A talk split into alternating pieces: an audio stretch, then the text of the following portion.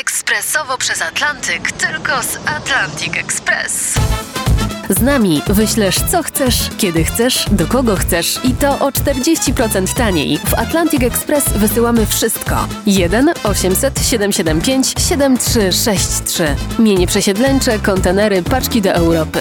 Atlantic Express o 40% niższe ceny na wysyłki kontenerów, samochodów i paczek. Ekspresowo przez Atlantyk, tylko z Atlantic Express.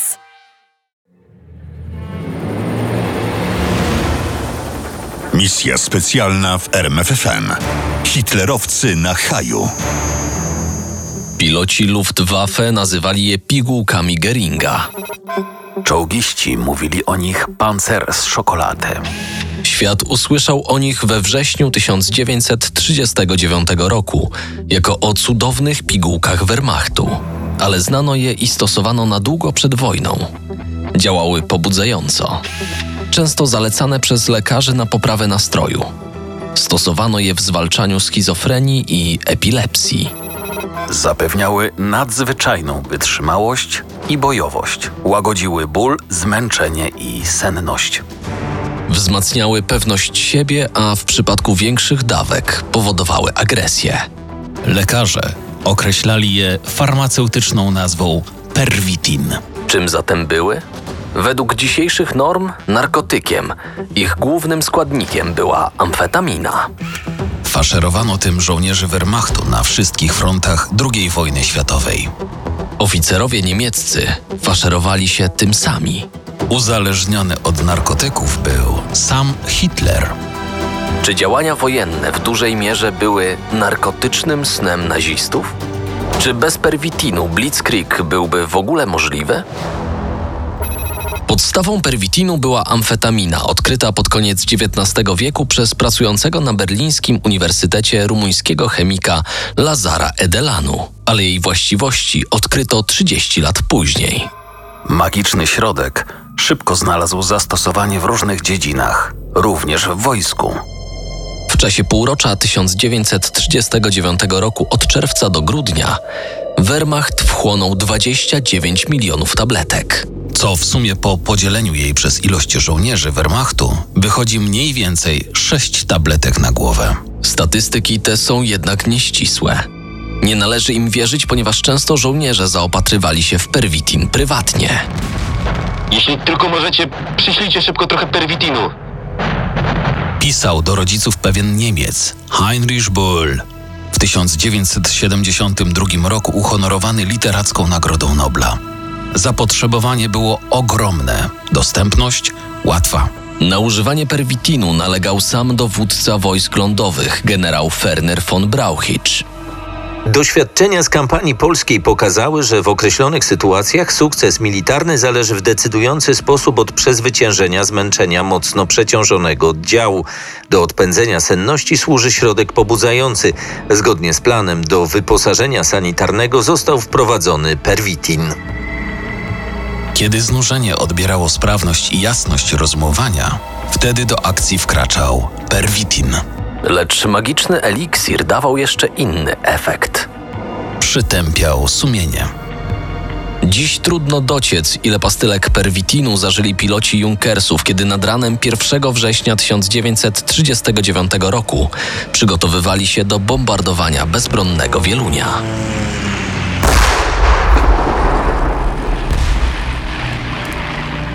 Masakra bezbronnej ludności trwała długie 10 godzin. Mój pierwszy atak na żywy cel. Przez ułamek sekundy, błysk świadomości. Tam w dole jest miasto pełne ludzi. Ulice w dole wyglądają jak obrazek z pocztówki, a ciemne punkty, które się na nich poruszają, są celem. Niczym tylko celem. Z wysokości 2,5 tysiąca metrów życie na ziemi traci swoją wagę.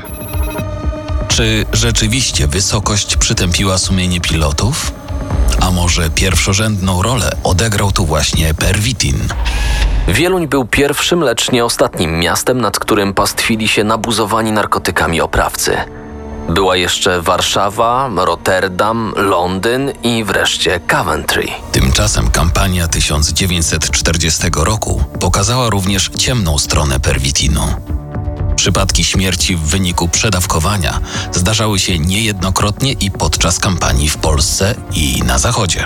Przeciw nadmiernemu użyciu perwitinu zaczęli protestować lekarze. To znaczy nadal propagowali spożywanie amfetaminy, ale wydali restrykcyjne zasady. W 1942 pojawiły się ulotki informujące, że Jednorazowe zażycie dwóch tabletek likwiduje senność na 3 do 8 godzin. Dwukrotne zażycie tej dawki wystarcza zwykle na całą dobę bez snu. Latem 1941 roku podejście do środków dopingujących nabrało dwutorowego charakteru. Z jednej strony lekarze Wehrmachtu ograniczali dostęp żołnierzy do perwitinu. z drugiej pojawiło się nowe cudo. Pralinki Hildebranda!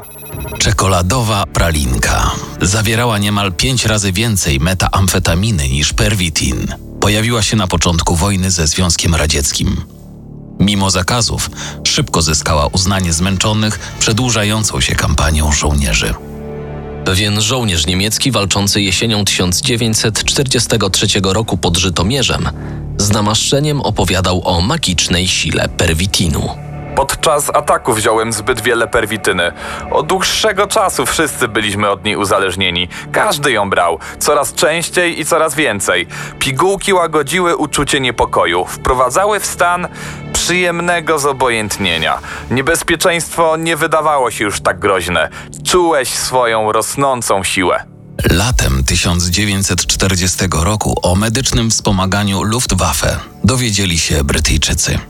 W rzeczach osobistych zestrzelonych pilotów znaleziono pastylki tajemniczej substancji. Badanie ujawniło, że jest to metaamfetamina. Blisko dwa lata zajęło Brytyjczykom ważenie decyzji: używać czy nie używać amfetaminy. W końcu, a był to już rok 1942, zdecydowano, że używać. Pierwsze tabletki rozdano pilotom RAF. Brytyjskie Ministerstwo Wojny postanowiło zakupić 5 mg pastylki benzydryny wyprodukowane przez amerykańską firmę Smith, Klein French. Benzedryna była równie popularna jak perwitin, tyle że wiodła prym głównie w Ameryce.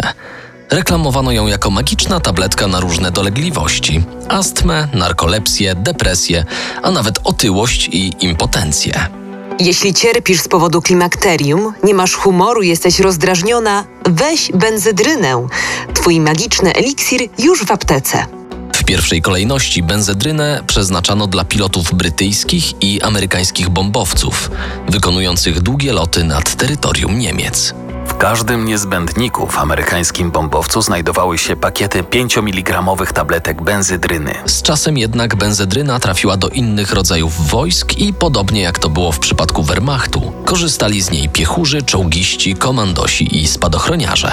Lecz prym w spożyciu nadal wiedli lotnicy. Trudno określić, ile benzydryny zużyli żołnierze US Army. Szacunki są bardzo nieprecyzyjne. Mówią o 250 milionach tabletek, ale niekiedy sięgają liczby dwa razy wyższej, aż pół miliarda. Wiadomo natomiast, że 89% pacjentów pewnego szpitala wojskowego przyznało się do regularnego korzystania z benzedryny, a z tego 25% jej nadużywało. Rzadziej wspomagali się Brytyjczycy. Zużycie benzydryny przez wojska występujące pod sztandarem brytyjskim oszacowano na 72 miliony sztuk. Brytyjczycy też pierwsi zwrócili uwagę na szkodliwe właściwości benzedryny, czym Amerykanie tak naprawdę nigdy się nie przejmowali. Od połowy 1943 roku broszury informacyjne dla brytyjskich oficerów medycznych zalecały stosowanie amfetaminy wyłącznie w sytuacjach nadzwyczajnych. Takiej sytuacji nadzwyczajnej doświadczyli polscy żołnierze pierwszej dywizji pancernej generała Maczka podczas bitwy pod Falaise w sierpniu 1944 roku. Wszyscy, bez wyjątku, ranny czy nie, sanitariusz, piechur, pancerniak, byli wykończeni. Walczono już drugi tydzień. Sen skradziony w wolnej, krótkiej chwili nie mógł wzmocnić organizmów. Dowódcy nakazali użycie pastylek benzedrynowych na podtrzymanie bezsenności. U niektórych żołnierzy wywołało to efekt oszałamiający, zupełnego otępienia, u innych odwrotnie, nerwowego podniecenia. Wszyscy wyglądali jak upiory, czarni od kurzu, zapadnięte policzki, czerwone, zaognione oczy. Relacjonował broniący wzgórza Maczuga podpułkownik Stanisław Koszucki. Wojna to nienaturalny stan i wymaga od ludzi nienaturalnej aktywności. Zresztą to nie pierwsza wojna w historii, na którą żołnierze szli na dopingu. Samogon napędzał jedną po drugiej ofensywę Armii Czerwonej. Wódka tłumiła strach żołnierzy polskich w 1939 roku. Piwo porywało starożytne plemiona germańskie na Rzym, a wino lało się strumieniami pod murami Troi. Od zawsze świat zwykle wojował po alkoholu. Wyjątek stanowili być może tylko wojowie z pewnej galijskiej wioski, którzy walcząc z Rzymianami używali magicznego napoju przyrządzonego z miejscowych ziół. Czy dla znających właściwości ziół druidów ta magiczność nie miała narkotycznego źródła? Tak czy inaczej, wszystkie te środki były zawodne. Tylko medykament dawał wysoką gwarancję uzyskania pożądanego efektu. Dlatego mimo pewnych zakazów do końca wojny stosowano amfetaminę i do końca wojny przeprowadzano eksperymenty. Również w obozach koncentracyjnych. Maszerujący mogli pokonać do 90 km bez odpoczynku. Są królikami doświadczalnymi, na których wypróbowuje się nowo wynalezioną pigułkę energetyczną. Na początku jeszcze pogwizdywali lub śpiewali, ale po pierwszej dobie marszu większość z nich padła. Pisał pewien więzień obozu koncentracyjnego w Sachsenhausen. Ale czy to może dziwić, skoro sam wódz III Rzeszy, Adolf Hitler, był na wiecznym haju? Głównie w drugim okresie wojny, kiedy z frontu nadchodziły niepomyślne wiadomości. Kiedy generał Heinz Guderian zobaczył wodza po raz pierwszy od ponad roku, w lutym 1943 roku, nie mógł uwierzyć. Lewa ręka drżała, zgarbił się, wyblakłe oczy wychodziły mu na wierzch, spojrzenie było martwe, na twarzy miał czerwone plamy. Jego pobudliwość jeszcze wzrosła. Wybuchając gniewem, tracił wszelkie panowanie nad sobą. Był wtedy zupełnie nieobliczalny w słowach i decyzjach.